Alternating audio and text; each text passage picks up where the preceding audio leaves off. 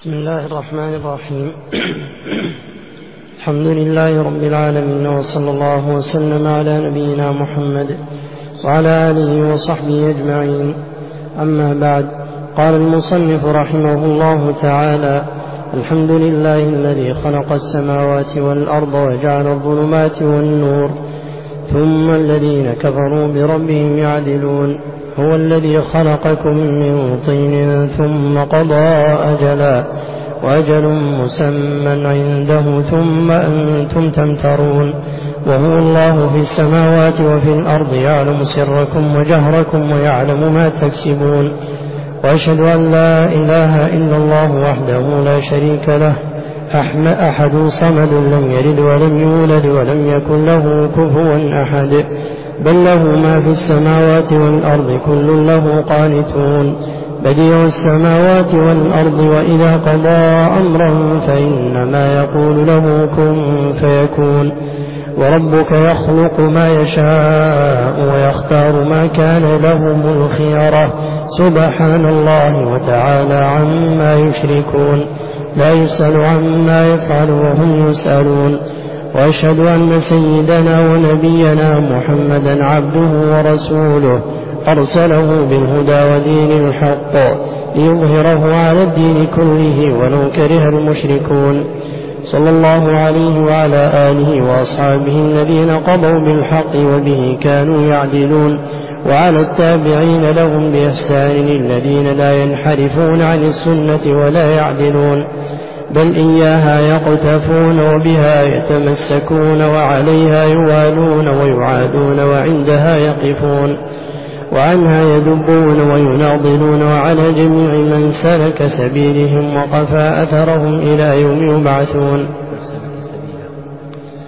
وعلى جميع من سلك سبيلهم وقفى أثرهم إلى يوم يبعثون أما بعد فهذا مختصر جليل نافع عظيم الفائدة جم المنافع يشتمل على قواعد الدين ويتضمن أصول أصول ويتضمن أصول التوحيد الذي ويتضمن أصول التوحيد الذي دعت إليه الرسل وأنزلت به الكتب ولا نجاة لمن بغيره يدين ويدل ويرشد إلى سلوك المحجة البيضاء ومنهج الحق المستبين شرحت فيه أمور الإيمان وخصاله وما يزيل جميعه أو ينافي كماله وذكرت فيه كل مسألة مصحوبة بدليلها ليتضح أمرها ويتجلى حقيقتها وتتجلى حقيقتها ويبين سبيلها واقتصرت فيه على مذهب أهل السنة والاتباع وأهملت أقوال أهل الأهواء والابتداع إن هي لا تذكر إلا للرد عليها وإرسال سهام السنة عليها وقد تصدى لكشف عوارها الأئمة الأجلة وصنفوا في ردها وإبعادها المصنفات المستقلة مع أن الضد يعرف بضده ويخرج ويخرج بتعريف ضابطه وحده فإذا, طال فإذا طلعت الشمس لم يفتقر النهار إلى استدلال وإذا استبان الحق واتضح فما بعده إلا الضلال ورتبته على طريقة السؤال ليستيقظ الطالب وينتبه ثم أردفه بالجواب الذي يتضح الأمر به ولا يثبته ولا يش ولا يشتبه وسميته أعلام السنة المنشورة لاعتقاد الطائفة الناجية المنصورة والله أسأل أن يجعله ابتغاء وجهه الأعلى وأن ينفعنا بما علمنا ويعلمنا ما ينفعنا نعمة منه وفضلا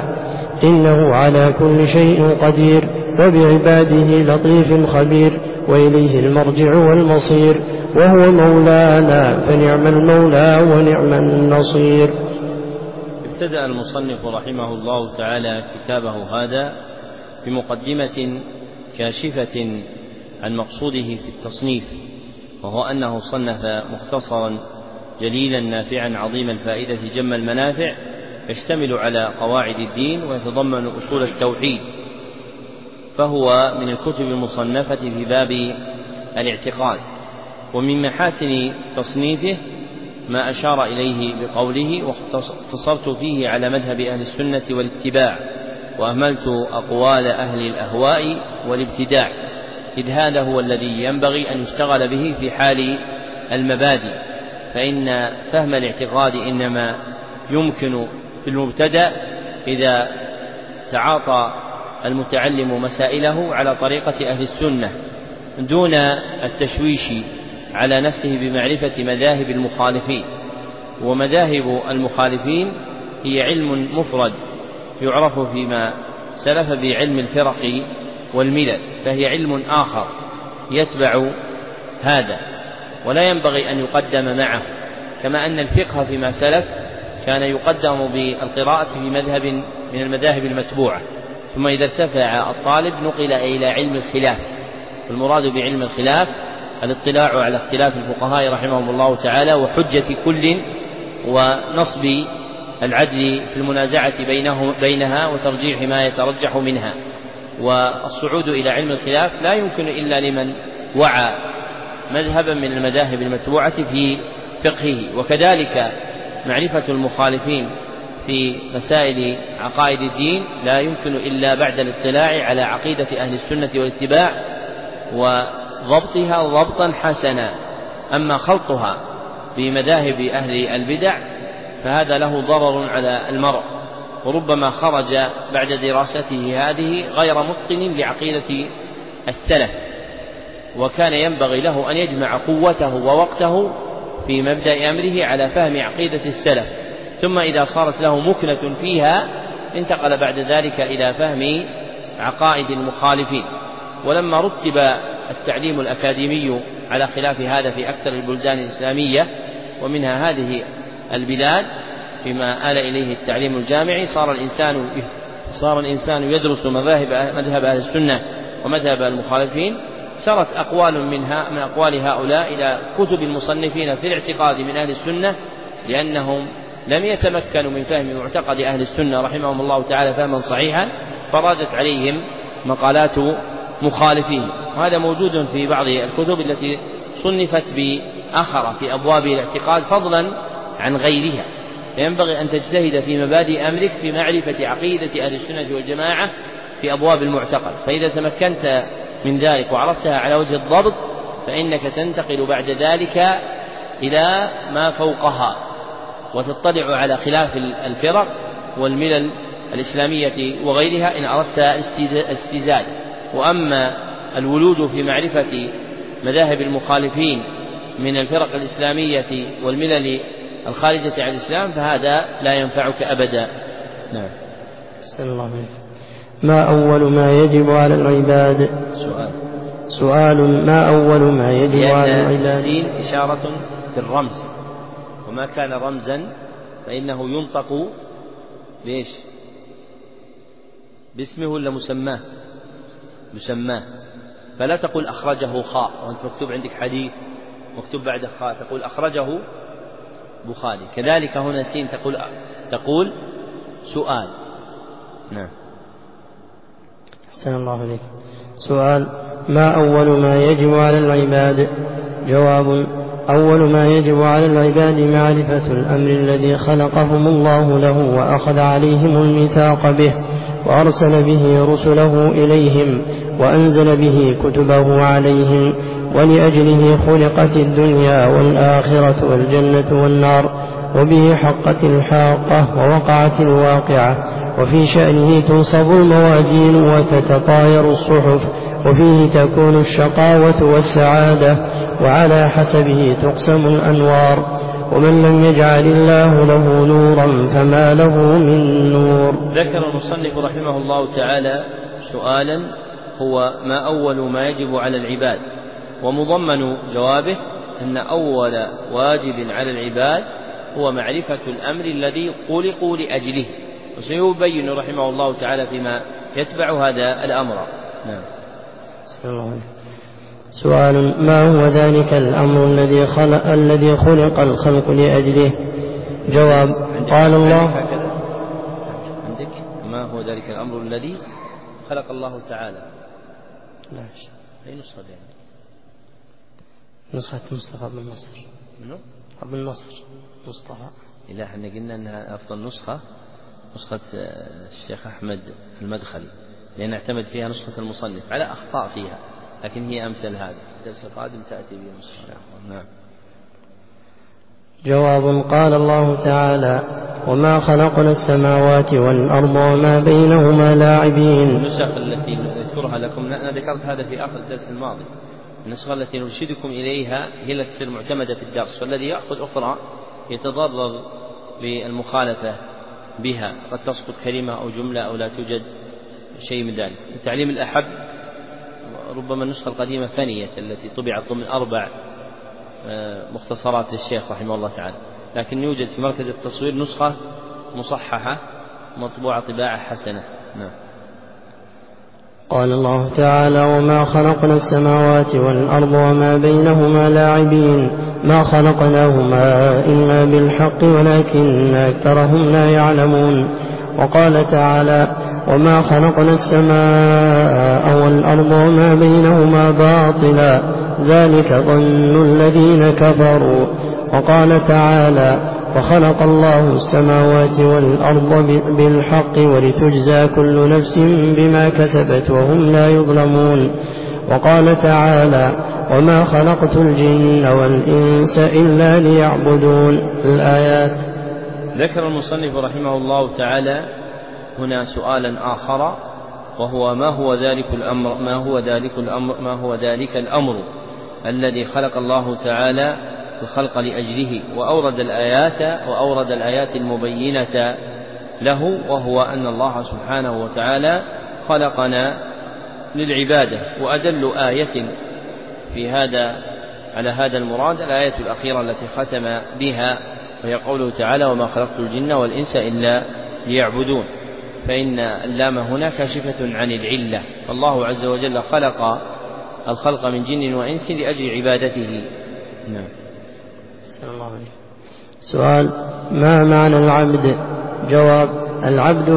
إن أريد به المعبد أي المذلل المسخر فهو بهذا المعنى شامل لجميع المخلوقات من العوالم العلوية والسفلية من عاقل وغيره ورطب ويابس ومتحرك وساكن وظاهر وكامل ومؤمن وكافر وبر وفاجر وغير ذلك الكل مخلوق لله عز وجل مربوب له مسخر بتسخيره مدبر بتدبيره ولكل منهما رسم يقف عليه وحد ينتهي إليه وكل يجري لأجل مسمى لا يتجاوزه مثقال ذرة ذلك تقدير العزيز العليم وتدبير العدل الحكيم وإن أريد به العابد المحب المحب المتدلل خص ذلك بالمؤمنين الذين هم عباده المكرمون وأولياؤه المتقون الذين لا خوف عليهم ولا هم يحزنون ذكر المصنف رحمه الله تعالى سؤالا آخر هو ما معنى العبد ومضمن جوابه هو أن العبد يقع على معنيين اثنين الأول أن يكون بمعنى المفعل أي المعبد وهذا يشمل المؤمن والكافر والبر والفاجر فإن كل من في السماوات والأرض معبد لله خاضع له والثاني أن يكون بمعنى المتفعل أي المتعبد الذي يتقرب إلى الله سبحانه وتعالى بعبادته وهذا مختص بالمؤمنين وأولياء الله المتقين بخلاف الأول فالعبد يطلق على هذا وذاك وهذان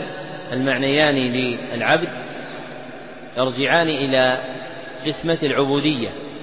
فإن العبودية لله سبحانه وتعالى نوعان اثنان أحدهما عبودية عامة وهي عبودية الخلق جميعا بكونهم مدبرين بامر الله مسخرين بتسخيره لا يخرجون عن حكمه والثاني عبوديه خاصه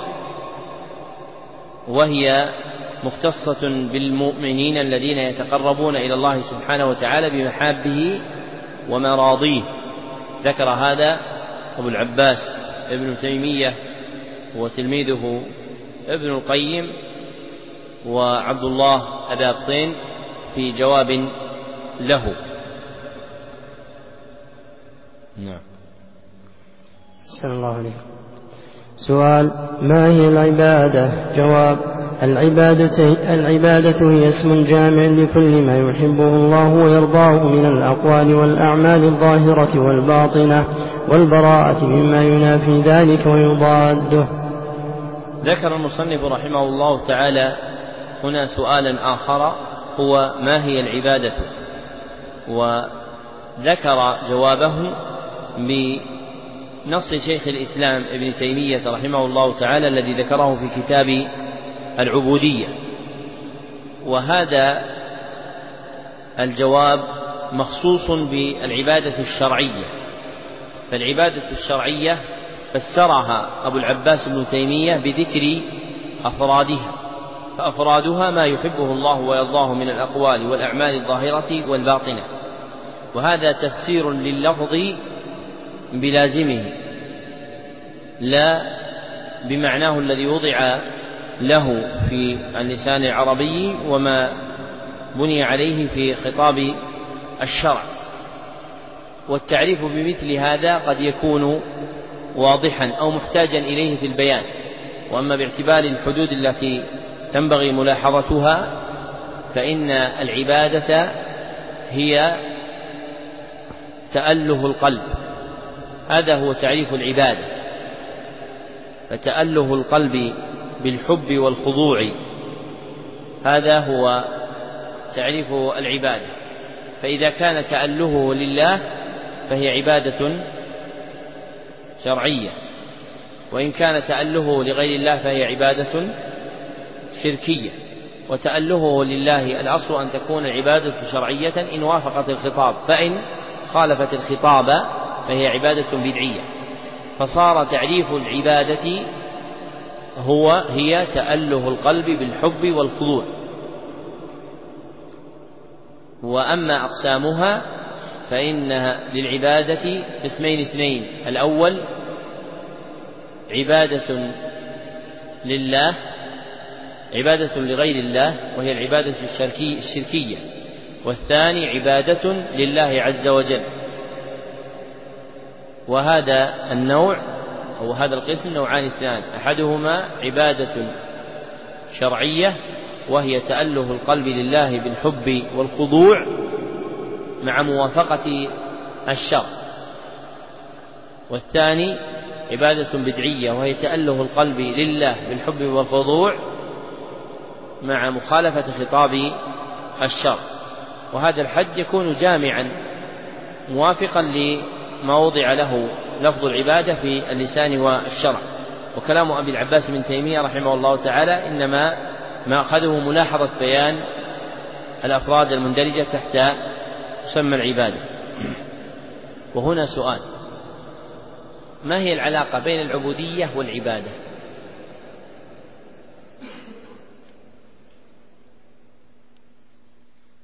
ما الجواب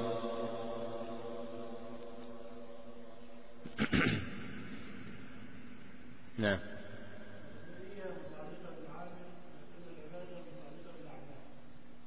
العبودية متعلقة بالعامل والعبادة متعلقة بالأعمال وإذا كانت كذلك أيهما أعم العبودية أعم أم العبادة أعم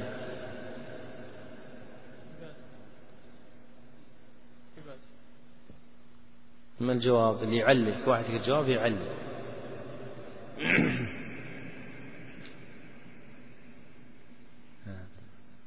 نعم نعم لماذا طيب كيف الخاص فيها اختيار سواء كان لله أو لغير لغير الله العبودية عامة لأنها تكون اختيارا واضطرارا إما أن يضطر تحت ذل الله وخضوع لله عز وجل وإما أن يكون مضطرا بالعبودية العظمى ثم يختار عبودية الله سبحانه وتعالى فهي أخص وهذه المسألة من نوادر المسائل في المعتقد قد بينها الشيخ عبد الله بن عبد الرحمن أبا بطين في جواب له في الدورة السنية في الجزء الأول أظن لكن هو جوابه نعم أحسن الله إليك سؤال متى يكون العمل عبادة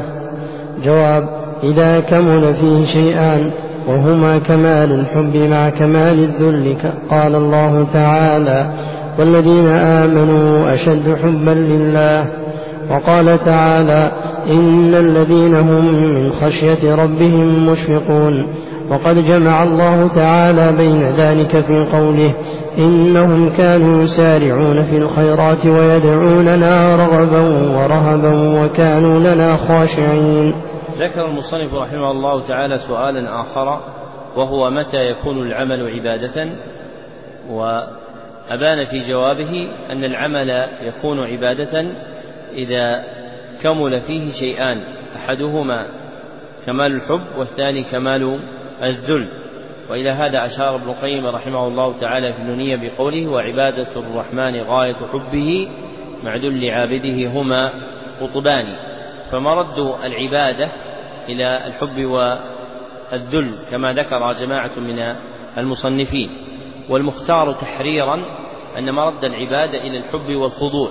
كما ذكرنا فيما سلف أن العبادة تتأله القلب بالحب والخضوع وإنما هجر لفظ الذل في الاختيار لأن الذل يشتمل على معنى الاحتقار كما قال الله عز وجل إن الذين يحادون الله ورسوله أولئك في الأذلين هذا دال على التحقير وما كان محتقرا فإنه لا يكون من مطالب العبادة ولا مما تحصل به وإنما يقال هو تأله القلب مع الحب مع الحب والخضوع ويستعاض لفظ الذل بلفظ الخضوع لأن لفظ الخضوع من العبادات التي يتقرب إلى الله سبحانه وتعالى فإن الإنسان يتقرب إلى الله بالخضوع له أما التقرب بالذل فهذا لم يأتي به دليل مع ما في اللفظ من الاحتقار غير المناسب لمراد العبادة ما الدليل على أن لفظ الخضوع دال على العبادة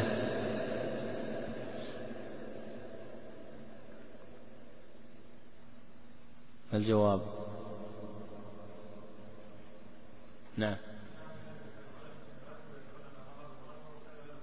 خاشعي ليس خاضعي نقول كل معنى من معاني العبادات فيه كل لفظ من ألفاظ العبادات فيه معنى غير المعنى الثاني كما بينا لكم فيما سلف أن الخوف والرهبة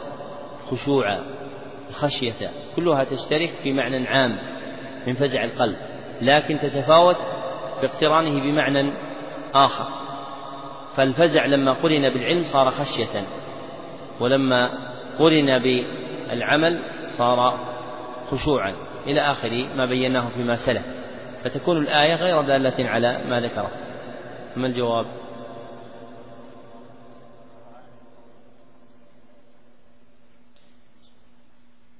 طيب غيره في أحد كان يقول شيء؟ نعم نقول الحديث ما في الصحيح من حديث ابي هريره النبي صلى الله عليه وسلم قال اذا اوحى الله بالامر السماء ضربت الملائكه باجنحتها خضعانا لقوله فهي ضربت خضعانا المقصود بالخضعان الخشوع لله سبحانه وتعالى انقيادا وطاعة فهو مشتمل على معنى الانقياد والطاعة غير مستقل على معنى الطمأنة الذي يستكن في لفظ الخشوع فإن لفظ الخشوع المقصود به الطمأنة ومنه أرض خاشعة يعني مطمئنة فهذا الحديث أصل في الدلالة على كون الخضوع مما يتقرب به إلى الله سبحانه وتعالى نعم عليكم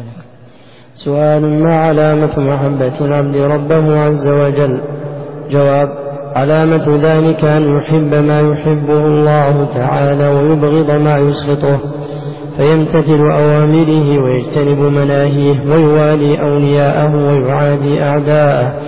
ولذا كان أوثق عرى الإيمان الحب في الله والبغض فيه لما ذكر المصنف رحمه الله تعالى أن العبادة مردودة إلى الحب والذل على ما عبر به أورد سؤالا يتعلق ببيان علامة كون العبد محبا محبا ربه عز وجل فقال ما علامة محبة العبد ربه عز وجل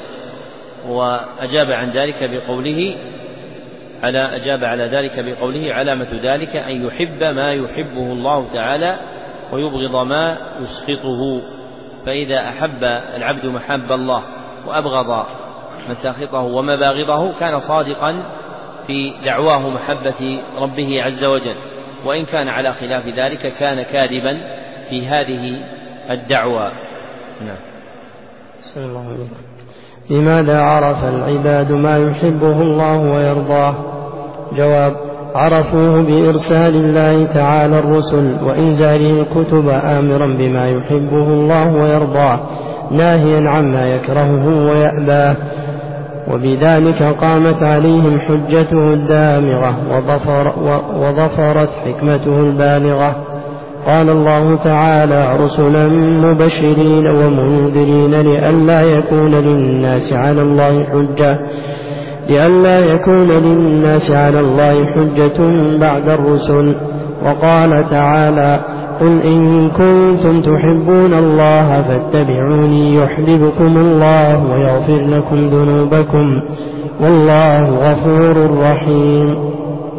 أورد المصنف رحمه الله تعالى هنا سؤالا آخر متعلقا بما قبله فقال بماذا عرف العباد ما يحبه الله ويرضاه أي بما ميزوا ما يحبه الله ويرضاه وهل استقلوا بمعرفة ذلك من أنفسهم فأجاب بأنهم عرفوه بإرسال الله تعالى الرسل وإنزاله الكتب آمرا بما يحبه الله ويرضاه ناهيا عما يكرهه ويأباه فإن الخلق لما أمروا بالعبادة يحتاج إلى من يعرفهم بهذه العبادة فأرسل الله عز وجل الرسل وأنزل معهم الكتب لتعرفهم طريق عبادة ربهم سبحانه وتعالى فبنقل الشرع عرف الناس ما ينبغي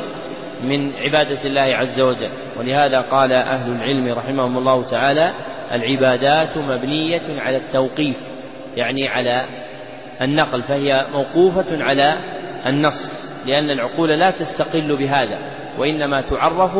بطريق الوحي النازل على الأنبياء وما تضمنته الكتب وكل ما خرج عنها فإن الله عز وجل لا يتعبد به كما قال حذيفة رحمه الله تعالى كل عبادة لم يتعبدها البدريون فلا تتعبد الله بها وإنما ذكر البدريين لأنهم أجلة أصحاب النبي صلى الله عليه وسلم فهم أولى الناس بالقيام بما أمروا به من العبادة فمن اتخذ هذا الطريق وما كانوا عليه عبد ربهم سبحانه وتعالى عبد ربه سبحانه وتعالى على أمر على ما أمر به ومن خرج عن هذا فإنه قد خالف الطريق التي توصل إلى الله سبحانه وتعالى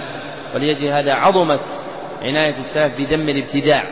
لأن الابتداع خروج عن مقتضى العبادة التي أمرنا بها فكل من ابتدع فقد زعم أن محمدا صلى الله عليه وسلم خان الرسالة كما قاله الإمام مالك رحمه الله تعالى وعظم تعظيمهم لمتابعة الأمر خوفا على من خرج عنها أن يصيبه عذاب أليم كما في قصة الرجل الذي سأل مالكا عن الإحرام قبل الميقات فنهاه عن ذلك فقال له الرجل إنما هي أميال أزيدها فقال أخشى عليك أن تصيبك عقوبة ثم ذكر قول الله عز وجل فليحذر الذين يخالفون عن أمره أن تصيبهم فتنة ويصيبهم عذاب أليم فالابتداع من أعظم ما يخرج به عما أمر به العبد من العبادة فمن أراد أن يعبد الله فليمتثل ما جاءت به الأنبياء وهذه الأمة بعث الله فيها محمدا صلى الله عليه وسلم مبينا ومرشدا إلى ما يجب من حق الله عز وجل في العبادة فبيانه هو البيان الشافي الكافي الذي لا يجوز للعبد أن يخرج عنه وهذا آخر ما يتعلق من البيان بهذا الكتاب في هذا المجلس